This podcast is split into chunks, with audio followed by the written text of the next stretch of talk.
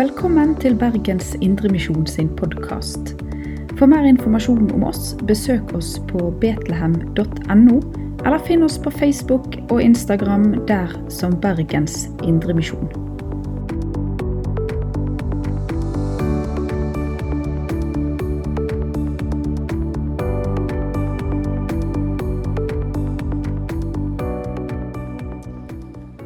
Ja, da var det min tur.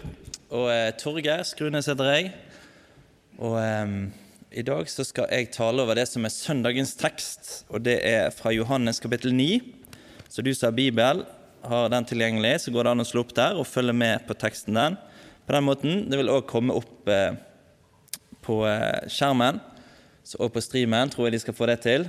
En sånn, eh, noen sånne slides, powerpoint-slides jeg har lagd til her. Men før vi begynner, så har jeg bare lyst til å be litt, jeg òg. Herre Jesus, takk for muligheten til å samles om deg.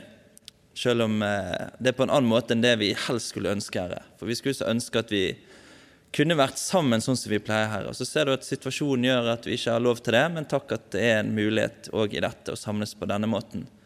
Over internett og rundt omkring i hjemmene. Og Herre, må du samle våre tanker nå til å fokusere på deg, på ordet ditt. Eh, og må du, Hellige Ånd, åpenbare ditt ord for hver og en av oss. Og må du stige frem, Jesus, og tale til oss, og la oss eh, få ta med oss noe, Jesus, som kan bli til hjelp for oss videre. Så må du gi meg det jeg trenger òg, Jesus, for denne talen. Amen. Og Da er det altså eh, fra Johannes 9. Og denne søndagen her, det er den fjerde søndagen i åpenbaringstiden. Og det er den eh, fjerde av de første søndagene nå på nyåret der man fokuserer på og har fokus på hvem Jesus er. Og Det har det vært liksom i fokus nå de siste søndagene. Og det er det òg eh, denne søndagen her. Litt videre om det. En tekst som måtte sier noe om hvem Jesus er. Og så er det da ut fra dette møtet som Jesus hadde med denne mannen som var født blind. Og da står det fra vers 1 til 7. Og så er det først fra vers 1 til 7, og så hopper eh, det ganske mange vers til vers 35 og 38. Og Da han gikk videre, så han en mann som var født blind. Disiplene hans spurte ham, 'Rabbi, hvem har syndet, han eller foreldrene hans, siden han ble født blind?' Jesus svarte, 'Verken han eller foreldrene hans har syndet.' Men det er skjedd for at Guds gjerninger skulle åpenbares på ham. Jeg må gjøre hans gjerninger, som har sendt meg, så lenge det er dag. Natten kommer da ingen kan arbeide, men mens jeg er i verden, er jeg verdens lys. Da han hadde sagt dette, spyttet han på jorden, laget en deig av spyttet og smurte deigen på øynene hans.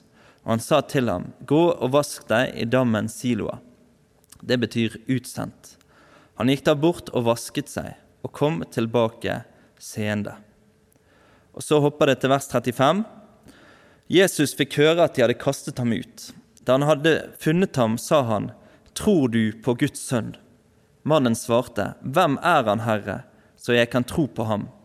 Jesus sa til ham, Du har sett ham. Han som taler med deg, han er det. Han sa, Jeg tror, Herre. Og han falt ned for ham i tilbedelse. Så Før vi går litt inn akkurat i disse versene, så tenkte vi kunne si noe om teksten sin sammenheng. For det er sånn I disse kapitlene rundt her og kapittelet før så kan vi se hvordan spenningen og motstanden mot Jesus øker. Og I slutten av kapittel 8, som er rett før det vi nå har lest, der har Jesus gått rett ut av en situasjon der en del ville steine han. Og Det har jeg med de versene her. Og da det, står det sånn i kapittel 8 fra vers 56.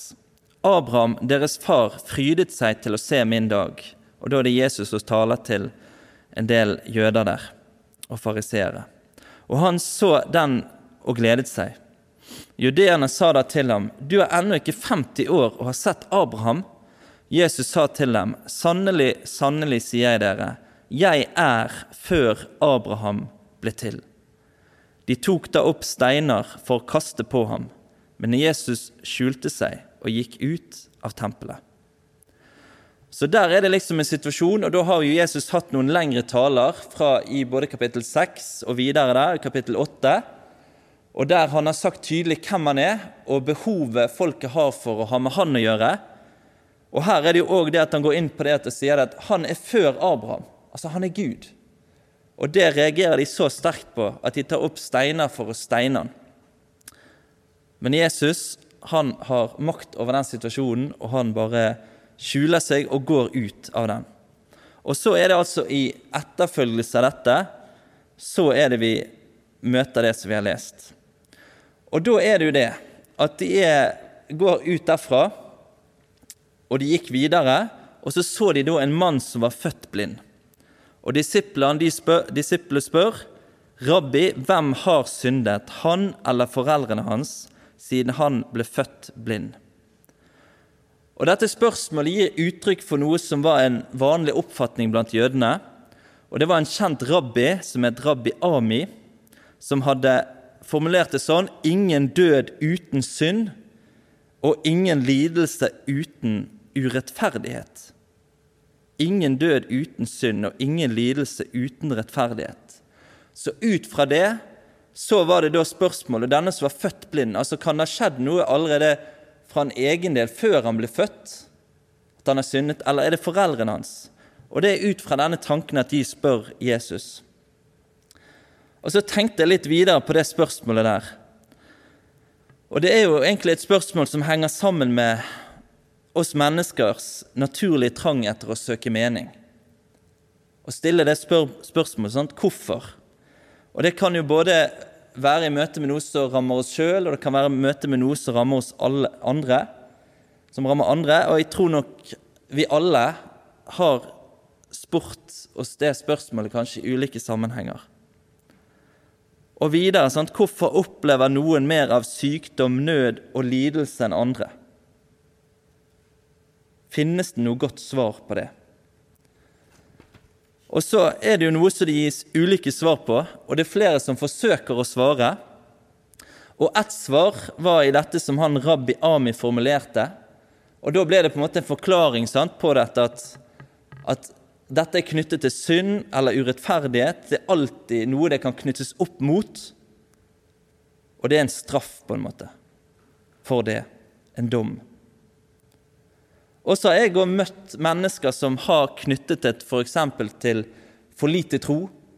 Og møtt noen som tenker at en kristen skal jo ikke være syk, skal ikke møte noe motgang sånn. Fordi at, og, og, hvis vi gjør det Ja, for det er på en måte ikke en del av, av det vi skal, skal oppleve. Og så kan man knytte på en måte Til de som da opplever det, så kan det knyttes til for lite tro, kanskje jeg har vært borti at det har blitt knyttet til besettelse. At her er det demoner som er, som er virksomme, så de må, måtte drives ut. Eller så er svaret å tro mer for å bli frisk. Og så tenker jeg at Resultatet av en sånn måte å tenke på, det er jo det å legge ekstra byrder på den som er syk. Og Ofte tror jeg nok det kan resultere i enda mer fortvilelse. Altså at jeg må tro mer. Hvordan kan jeg tro mer? Hva er tro? Det er jo mange sånne spørsmål knyttet til det. Og det legger på ekstra byrder, og legger på en måte ansvaret over på den som er syk sjøl. Og så syns jeg det er vanskelig å gi et sånn endelig svar, for det, for det jeg tror ikke går an, for det er veldig sammensatt. Og det er liksom videre, altså det, og det er flere sider med dette som jeg tenker er skjult for oss mennesker.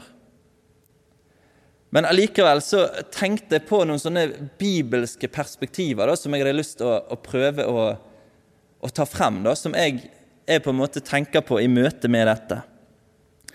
Og på en måte Hovedsaken er jo egentlig at dette er en konsekvens av syndefallet. Det at vi i vår verden opplever sykdom, nød, lidelse, det kan spores tilbake til, til den dagen når dødskreftene kom inn i verden og det er noen sånne krefter som ingen mennesker slipper unna. At det er en del av virkeligheten vår. Og så er det òg det at det rammer ulikt. Og så litt videre dette med opphavet. Og da er det jo litt sånn Hvem kan vi skylde på, på en måte? Og det òg syns jeg er, er veldig sammensatt, tenker jeg. For mye lidelse er jo vi mennesker på en måte skyld i sjøl, for vi påfører det til hverandre. Veldig mye vondt som blir gjort av mennesker mot mennesker. Og sykdom det kan jo være genetiske ting. Og det kan jo egentlig da spores tilbake til syndefallet og dødskreftene som kom inn i verden.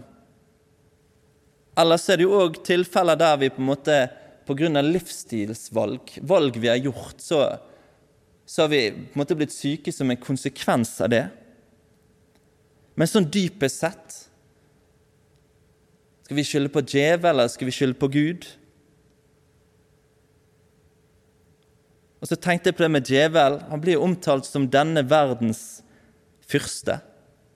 Men likevel så er jo Bibelen veldig tydelig på at han har en begrenset makt. Selv om det er, han har makt til noe, det er jo helt tydelig. Og hans mål er å myrde og drepe og ødelegge, står det. Å rive i stykker. Føre mennesker bort fra Gud på alle de måtene han kan få til. Men han har en begrenset makt. Og jeg tenkte videre på, på historien om jobb, og hvordan vi leser der om hvordan djevel har tilgang til Guds trone. Og så er det på en måte på djevels initiativ at, at jobb skal påføres disse tingene, men Gud tillater det. Gud tillater det. Og sånn tenker jeg òg liksom videre at, at det er jo helt tydelig at Gud tillater at dødskreftene preger virkeligheten vår. Og vi er jo inne vel på det som egentlig er det ondes problem. Sant? At det er, det er, noe her som er, som er vanskelig å få til å gå helt opp. Hvordan skal vi tenke rett om dette? Så Jeg tenker at det, jeg syns det er vanskelig å gi et klart ene eller det andre. Men det er noen sånne perspektiv. Men så møter jeg i hvert fall videre i Bibelen at jeg møter det at, at jeg, denne dette som er vondt i seg sjøl, det er noe som òg Gud kan snu til noe som kan bli til noe bra for oss. Og det ene tenker jeg da i møte med Paulus, f.eks. Det står om denne torden i skjødet som Paulus ba om at måtte bli tatt bort fra han. 2. Korinterbrev 12 står det om det. Tre ganger ba han om det, men Gud svarte det at 'min nåde er nok for deg'. For min kraft fullendes i skrøpelighet. Og det var da noe som, som I dette som var vanskelig, så førte det han inn til Gud og inn til Guds nåde. Og så sier jo Paulus videre at da vil jeg heller rose meg av min skrøpelighet, sånn at Guds kraft kan bo i meg. Holde fast på det, der i hans skrøpelighet så blir Guds nåde stor for ham. så tror jeg kanskje at det òg er en mulighet for den som opplever ting som er vanskelig, at i det, når jeg blir liten, så kan Gud bli stor. Og så blir det én ting jeg må henvende meg til, og det er Hans nåde til Han. Og det har jeg opplevd en gang i mitt liv, jeg, den gangen jeg har vært sykest og lå på Haukeland i flere uker og kunne ikke spise sjøl, var koblet til ulike en matsonde og sånn morfinpumpe forskjellig for å dempe smertene. At da opplevde jeg noe at der jeg ble så liten, kunne ikke gjøre noen ting, så, så fikk jeg på en måte et sterkt møte med Gud. Han er stor. Hans nåde er nok for meg. Og Så står det òg et vers i Romerbrevet 8 at alle ting samvirker til det gode for den som elsker Gud. At Gud kan snu det. Det kan samvirke til det gode på en eller annen måte. Og så er det òg én ting da, som jeg var litt sånn i stuss som jeg skulle ta frem. Det, for det kan være litt sånn vanskelig tanke, men allikevel så tror jeg det er noe noe òg fint i det. Og det er noe som vi møter i Hebreabrevet kapittel 12 dette med oppdragelse eller opptuktelse står, det, den, det står der at 'den Herren elsker, den tukter han'. Og så er det 'til vårt gagn', står det videre, for at vi skal få del i Hans herlighet. så vi skal få del i rettferdighetens salige frukt.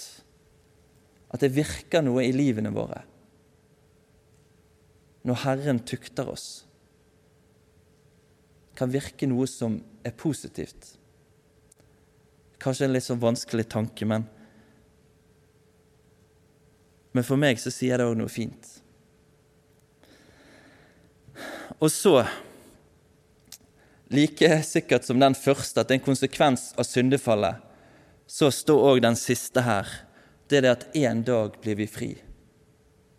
En dag så er synd, elendighet og nød det er et tilbakelagt stadie når vi er i Guds evige himmel, uten synd, uten sykdom, uten lidelse og sorg og død. Og det blir en herlig dag. Alt det vi strever med her, det er borte. Og så er alt herliggjort. Alt er fullkomment. Og alle ubesvarte spørsmål, de blir liggende igjen. En dag er vi fri. I hvert fall noen perspektiver inn i dette. Og Når vi kommer til Jesus i teksten i vers 3, så ser vi det at i denne sammenhengen her så avviser Jesus hele problemstillingen. Jesus svarte verken han eller foreldrene hans har syndet, men det er skjedd for at Guds gjerninger skulle åpenbares på ham. Så i dette tilfellet så sier Jesus det. Dette handler verken om han eller foreldrene hans, men her er det for at Guds gjerning skal bli åpenbart på ham. Og da er det jo det at Jesus skal vise enda en gang at han kan helbrede, og at det er en del av Guds gjerning og en del av Jesus sin messianske gjerning. For det er jo noe som òg blir profetert i Gammeltestamentet. Eksempel er jo dette som skjer, egentlig en direkte oppfyllelse av Jesaja 42, og vers 6-7. Og Der står det 'Jeg, Herren, har kalt deg'. Og da er det jo på en måte profetert om Messias, om Jesus, for at du skal åpne blindes øyne, føre de bundne ut av fangehullet og føre dem som sitter i mørket, ut av fengselet. For at Guds gjerninger skulle bli åpenbart på han. Og Så fortsetter Jesus med å si det. Jeg må, jeg må gjøre Hans gjerning som har sendt meg, så lenge det er dag. Natten kommer da ingen kan arbeide. Mens jeg er i verden, er jeg verdens lys. Jeg må, understreker han, jeg må gjøre hans gjerninger som har sendt meg. Det er en sånn nødtvungenhet i det. Jesus må, han kan ikke noe annet enn å gjøre det. Og så sier han at natten kommer, men nå er lyset her. Og I første omgang så er det jo på en måte i den besøkelsestiden som nå var i Israel, sant? når Jesus var midt iblant folket. Der han, Mens han gikk iblant dem, så var lyset iblant dem, verdens lys. Og så gjorde han Guds gjerninger blant dem, som vitnet om at Jesus var oppfyllelsen av løftene. Han er Gud. Han er Messias, kongen. Men så også, står det òg her at denne besøkelsestiden den har en ende. Og Så tenker jeg da en videre anvendelse av dette her. Det er jo òg for vår del at så lenge det er dag, så lenge verden står, så skal, eller sånn som Jesus sier, så må, så må vi gjøre hans gjerning. Så må vi drive misjon og spre evangeliet. For natten kommer, der ingen kan arbeide. Det har en ende, det har en fullendelse. Men inntil den dagen kommer, så må vi være med og spre ut evangeliet.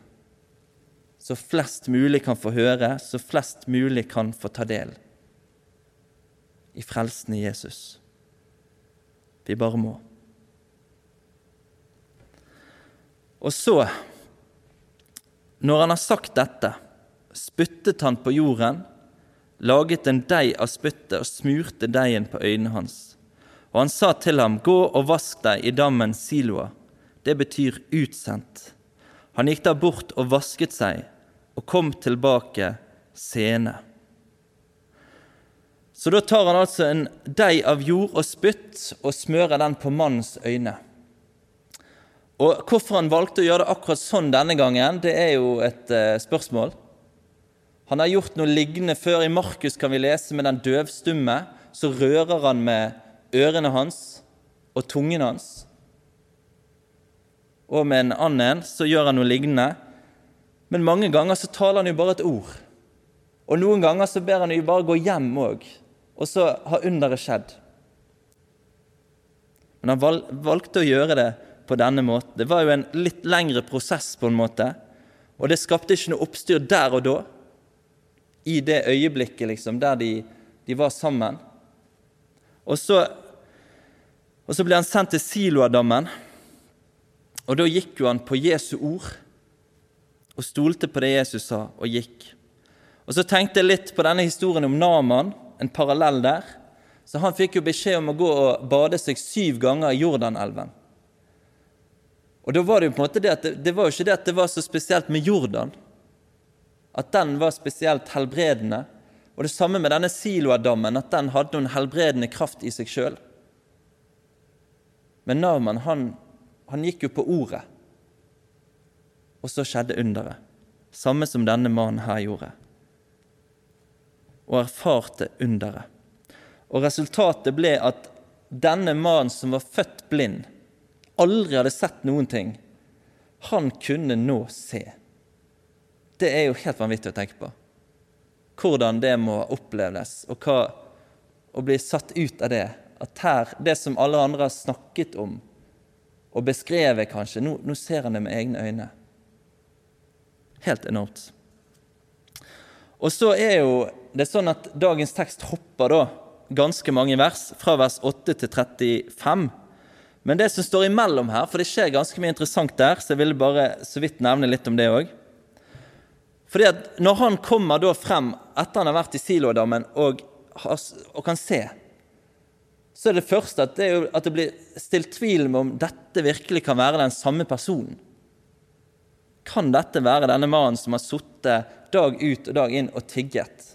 Som aldri har kunnet se noen ting? Og Det blir til og med sånn at foreldrene hans kobles inn for på en måte som vitne i saken. Sant? For å si er dette sønnen deres? Og så må de si det. Ja, dette er sønnen vår. Han var født blind, aldri kunnet se. Eh, nå ser han, men eh, han kan svare for seg sjøl. For det var liksom en sånn trussel om at de som bekjente at Jesus var Messias, de skulle bli støtt ut av synagogen. Så akkurat det å ta stilling til hvem Jesus var, det ville de ikke. Men det blir da overlatt til, til mannen sjøl, denne som hadde blitt helbredet. Og så blir det en diskusjon om hvem Jesus er. Og fariseeren reagerer veldig på dette under har skjedd på sabbaten. At det, jo, det må jo si noe om at han ikke kan være fra Gud. Og så står denne mannen da, som har fått synet, foran dem, og foran fariseerne, så legger han egentlig bare frem fakta. Jeg var blind. Nå ser jeg. Ingen har hørt om noe lignende noen gang, at det har skjedd. Denne mannen må jo være fra Gud. Og når han sier det, så blir de så sint at da kaster de han ut. Og så får da Jesus høre at de har kastet han ut. Og så oppsøker han denne mannen. Og da han hadde funnet ham, sa han, 'Tror du på Guds sønn?' Mannen svarte, 'Hvem er han, Herre, så jeg kan tro på ham?' Jesus sa til ham, 'Du har sett ham.' Han som taler med deg, han er det. Og så ble dette et nytt møte med Jesus, som resulterte det at nå ble òg hjertets øyne, troens øyne, åpnet for hvem Jesus i sannhet er. Nå så han Jesus med egne øyne, og så fortalte Jesus hvem som sto foran ham. Og så responderer det noe, så skjer det noe på innsiden. Ja, dette er sant. Og det er det teksten ender i. en tilbedelse av Jesus. Han sa, 'Jeg tror, Herre', og han falt ned for ham i tilbedelse. Tilbedelse for Guds sønn, for Messias, for Han som har makt til å åpne øyne, ytre sett og hjertets øyne. Og så illustrerer dette så fint, syns jeg, hva som skjer når et menneske får åpenbart for sitt hjerte hvem Jesus er. Hvem han i sannhet er. Hva er da en mer naturlig respons enn nettopp det? Å falle ned for han og takke og tilbe Herrenes herre og kongenes konge. Messias, kongen, frelseren. Min Herre og Gud. Herre og frelser. Herre Jesus, takk for det vi kan lese om ditt møte med denne mannen, Herre. Og så løfter det frem noen problemstillinger der, eh, der, vi, ikke får, der vi ikke ser alt, Herre. Dette med dødskreftene og, og, og, lidelse og nød og sykdom, Herre, som, som rammer så ulikt. Da. Men Herre, la oss få ha med oss noen perspektiver fra ditt ord som kan være til hjelp for oss så takker jeg Jesus for at en dag at vi kan se frem mot den dagen, uavhengig av hvordan vår tilværelse her er, og hva vi møter. Så kan vi som hører deg til, få se frem mot den dagen når vi står fremfor deg, Jesus. Og så er det en tilværelse uten synd, uten sykdom, uten nød, uten sorg og død, Herre. Priser deg for det, Jesus, at du har ordnet det til for oss, at det er det vi har i vente. Så ber vi at vi må holde fast på det, og at når vi møter vanskeligheter, at vi henvender oss til deg, Herre. Så ber vi at du kan møte oss, at du kan snu vår nød, Herre, til, til noe som kan virke til det gode for oss og i livet vårt sammen med deg, Jesus, og vår vandring på en eller annen måte, Herre. Og så takker jeg deg, Herre, for at du kan åpne blindes øyne. Takk at du er den samme i dag, Jesus. Og takk, Herre, for at du kan åpne våre øyne for hvem du er. Og så er det så mange mennesker det er skjult for Jesus. Men jeg ber Herre om at enda flere kunne få se det. Og må du åpenbare det enda sterkere for våre hjerter, hvem du er, Herre. Må du salve våre øyne med din øyensalve, så vi igjen kan få få juble i takknemlighet og tilbedelse til deg, Herre. Og så ber jeg Herre om at nye mennesker må få se det rundt der vi, der vi er, Jesus. At vi kan få være med og gjøre din gjerning. Og få vitne om deg, Jesus, ditt evangelie.